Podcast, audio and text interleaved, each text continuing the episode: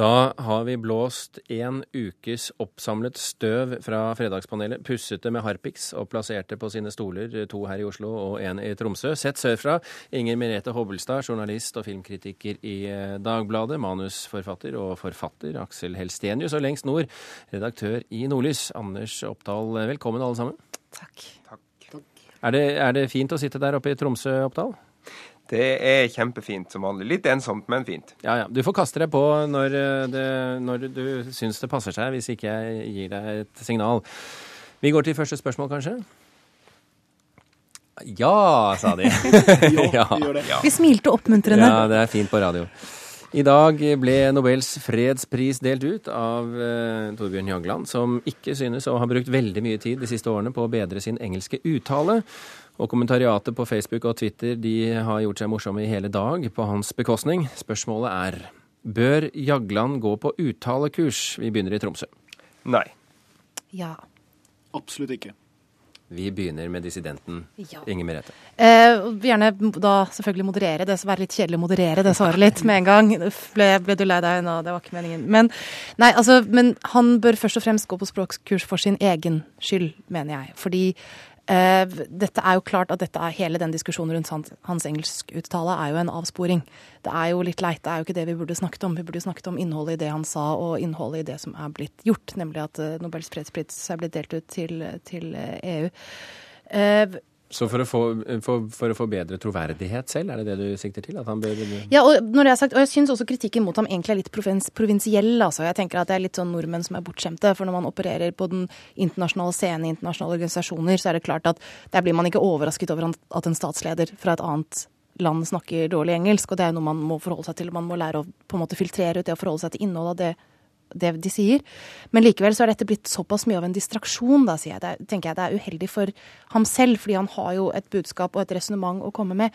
Og hvis det er noe ved måten han snakker på, måten han fremtrer på, som gjør at det ikke er det som trenger gjennom, at verden blir sittende og på en måte gjøre narr av ham og diskutere måten han gjorde det på, så er det uheldig egentlig både for oss og for ham. Så når verden nå er så grim som den er, når den lar seg distrahere av dårlig engelskuttale, så er det kanskje lurt å ta konsekvensen av det og polere seg ned litt. Oppdal. Nei, Så lenge Jagland sier det han sier, så er det ikke meg imot at han eh, snakker på en måte som er både grøtete og, og vanskelig å forstå.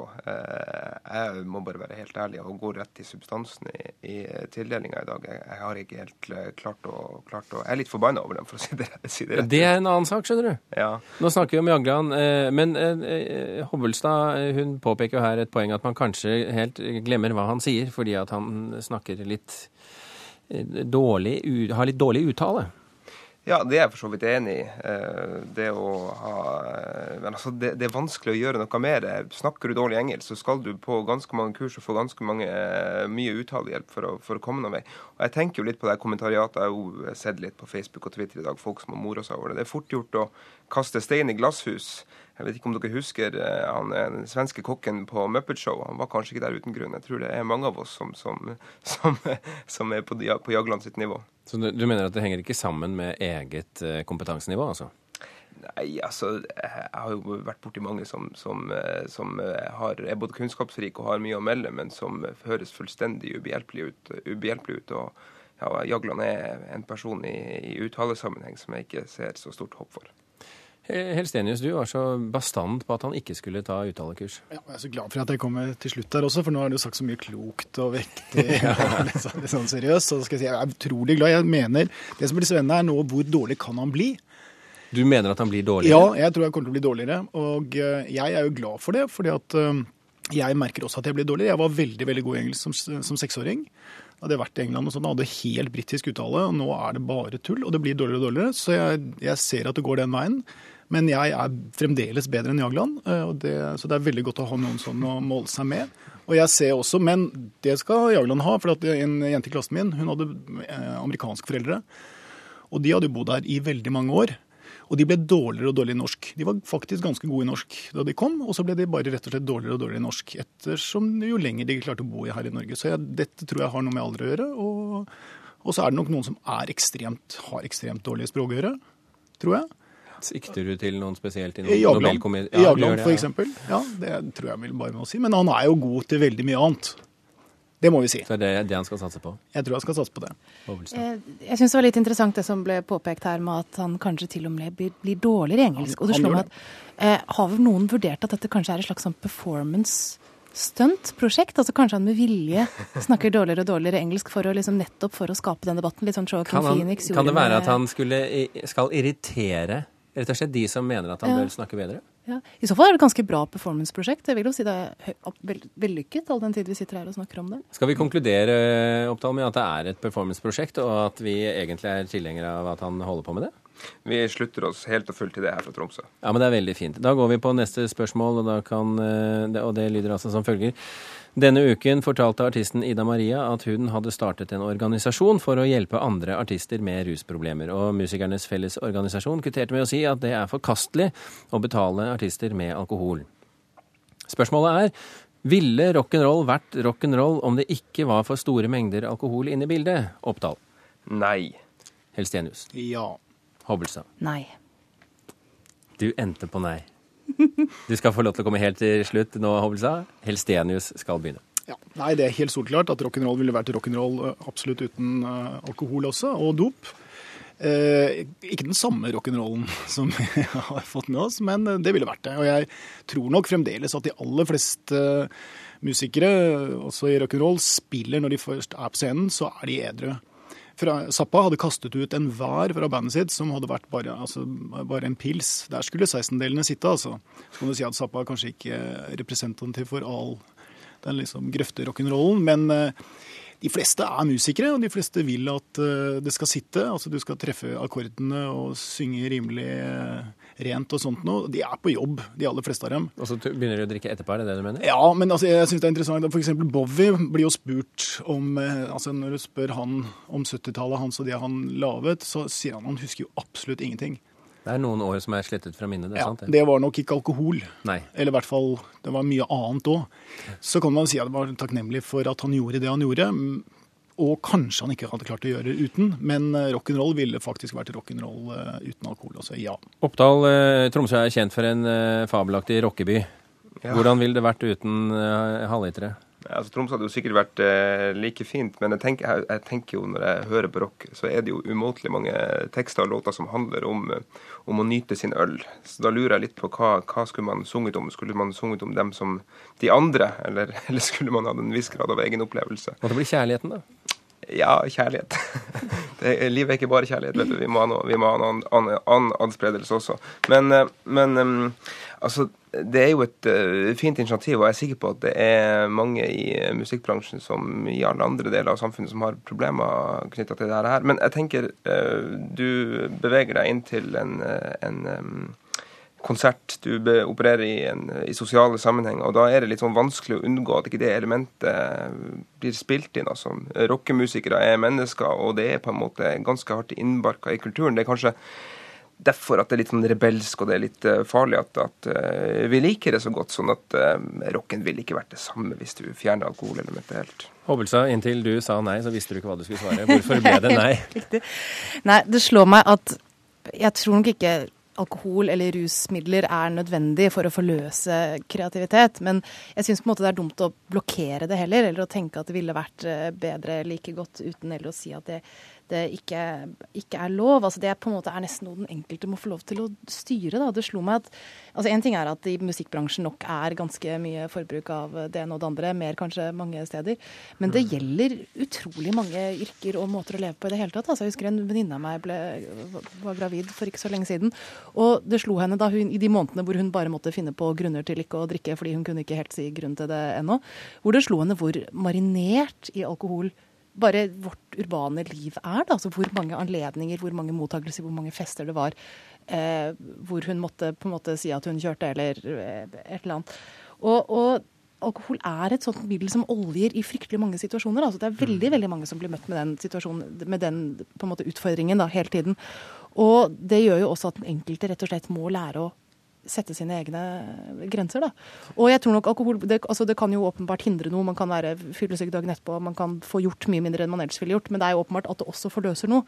Og den balansen er vanskelig for andre å si akkurat hvor går. Det er mye myter, vet du. ikke sant? Det var en eh, som hadde vært i Frognerparken en tidlig morgen da Guns N' Roses spilte og traff Slash joggende halv syv. Han Med hatt? ja, uten hatt. Just keep uh, Altså, ikke, dette snakker du ikke om. Nei. Fordi at uh, pressen er utrolig flinke til å hente opp alt som har med alkohol og dop å gjøre, og sånt, og lave myter av det. En forfatter som Ingevar Rambjørnsen, han for, for pressen så er han fremdeles Han sitter på, på nagel og drikker og røyker hasj. Liksom, og det må han på en måte gjøre. Det er jo selvfølgelig ikke sannheten. Men vi bygger opp en myte rundt det med alkohol, rundt rusmidler. Eh, Og det er soleklart at det er rusmidler i alle bransjer, som du sier. Men jeg tror det er faktisk en større myte når det gjelder rock'n'roll og, og mye kunst enn en, en virkelighet. Og det er ikke noe mer der, tror jeg faktisk. Selv om det er øl på bakrommet. Skal vi konkludere med det, Oppdal? Vi får konkludere med det. Fint. Vi går til neste, og da også siste spørsmål denne uken. Denne uken fikk Norge ikke Nordisk råds filmpris, heller ikke Nobels litteraturpris, som vi for øvrig ikke har vunnet siden før krigen. Vi har eh, aldri vunnet Oscar, ikke Emmy, og ikke vunnet noen av de store prisene i verken Berlin eller Cannes. Så spørsmålet er er norsk kulturliv simpelthen for dårlig målt med kulturlivet i utlandet? Nei. Nei. Oppdal? Nei. Oi. Så hva er da grunnen, Oppdal, til at vi aldri vinner noen ting som helst? Nei, det er kanskje fordi vi ikke er med i EU. Eh, Du prøvde deg på den, ja. spøk, spøk til side. Um, uh, nei, altså, Norge er et lite land. Uh, verden er fryktelig stor. Det er fryktelig mange om beinet. Vi vet jo, vi som følger litt med på, på hva som produseres her i landet, at det er fabelaktig mye kunst og, og, og sånt som, som, som holder uh, høyt, høyt, høyt nivå. Men det å bli lagt merke til, det er veldig krevende. Da må du kanskje ha et performance-show for, for å nå gjennom lydmuren. Så jeg tror det har litt sammenheng med det, rett og slett. Hobbelstad, selv ikke Nordisk råds filmpris. Nei, Klarer men vi, og det er jo de små landene. Men i år fortjente vi den jo da heller ikke. I fjor hadde vi fortjent den, spør du meg. Da ville, burde Oslo 31. Men august av vunnet ni, ingen. Eh, nei, og det er altså Og derfor dette, måtte dette Dessverre, dessverre, også dette svaret modereres litt, da. Det er jo forferdelig, men, men slik er det jo iblant. Eh, jeg tror vi må skille mellom forskjellige kunstarter her. Når det gjelder litteratur, så er jo Norge på høyden med hvem det skal være. Der har vi jo f.eks. Per Petterson, som har blitt et eh, stort navn internasjonalt. Eh, vi har Jo Nesbø, som altså innenfor den kommersielle siden gjør det bra. Eh, ja, Petterson er jo også meget prisbelønt og, og eh, anerkjent. Jeg tror nok vi har et stykke igjen å gå når det gjelder eh, film og TV. At det, der henger vi litt sånn merkbart bak Sverige og Danmark. Og det har jo med å gjøre at Sverige og Danmark har mye lengre tradisjoner eh, for dette enn oss. Jeg tror norsk film- og TV-produksjon ble holdt igjen ganske lenge av en filmpolitikk og en på en måte litt sånn ideologi i filmbransjen, blant, særlig på 70-tallet, som virket litt sånn hemmende, og som ikke helt har kommet til hektene fra ennå. Det blir bedre og bedre. Kanskje kan vi komme dit. Eh, men akkurat der tror jeg bare vi må akseptere at eh, de andre har noe litt vi ikke har. Lillebror, lillebror fremdeles. Litt lillebror fremdeles. Elsenius. Da hadde jeg håpet at du skulle si at det sitter jo en i studio som er nominert både til Oscar og Emmy. Ja. For det kan du si. Hobbelsa? ja, dette visste jeg ikke. Fins unntak. Aksel Elstenius, Ja, eh, Aksel som altså har blitt både nominert Oscar både til Oscar og og Emmy. Emmy. Men Ja. har du vunnet? Nei. Og det kommer vi ikke til å gjøre heller. Altså, tror jeg, eller ja, kanskje. Men eh, da vi ble nominert til Emmy, så var det da noen kloke hoder som eh, laget litt statistikk. Og fant ut at eh, fra liksom internasjonal Emmy ble liksom kom opp, og frem til nå så var det bare én gang jeg var på barne- og ungdoms-TV dette her. eh, Prisen ikke hadde gått til en engelskspråklig produksjon. Så det, er, og var, det var to norske og to engelske som var nominert. Og det var selvfølgelig da en engelsk som stakk av gårde med prisen. Fin og sånt noe, men dårligere enn vår. Men, men allikevel, når hele juryen er engelskspråklig, både språk og kultur, så er det ganske opplagt at, eh, at førsteprisen går til Hva hvis den ble spilt inn og vi uttalte engelsk slik Jagland gjør det? Da hadde den enten vunnet overlegent eller ikke blitt nominert i det hele tatt. Tror jeg. Tror du det er en idé, Hobbelstad? Hmm, kanskje ville fått det sånn eksotisk, at de syntes det var litt sånn søtt og tilga en del andre skjønnhetsfeil. Jeg vet ikke. Oppdal? Men Jeg holder en knapp på EU. Du holder fremdeles en knapp på Men greia er at dette her er jo sånn, sant? det sitter veldig mange som vurderer disse tingene.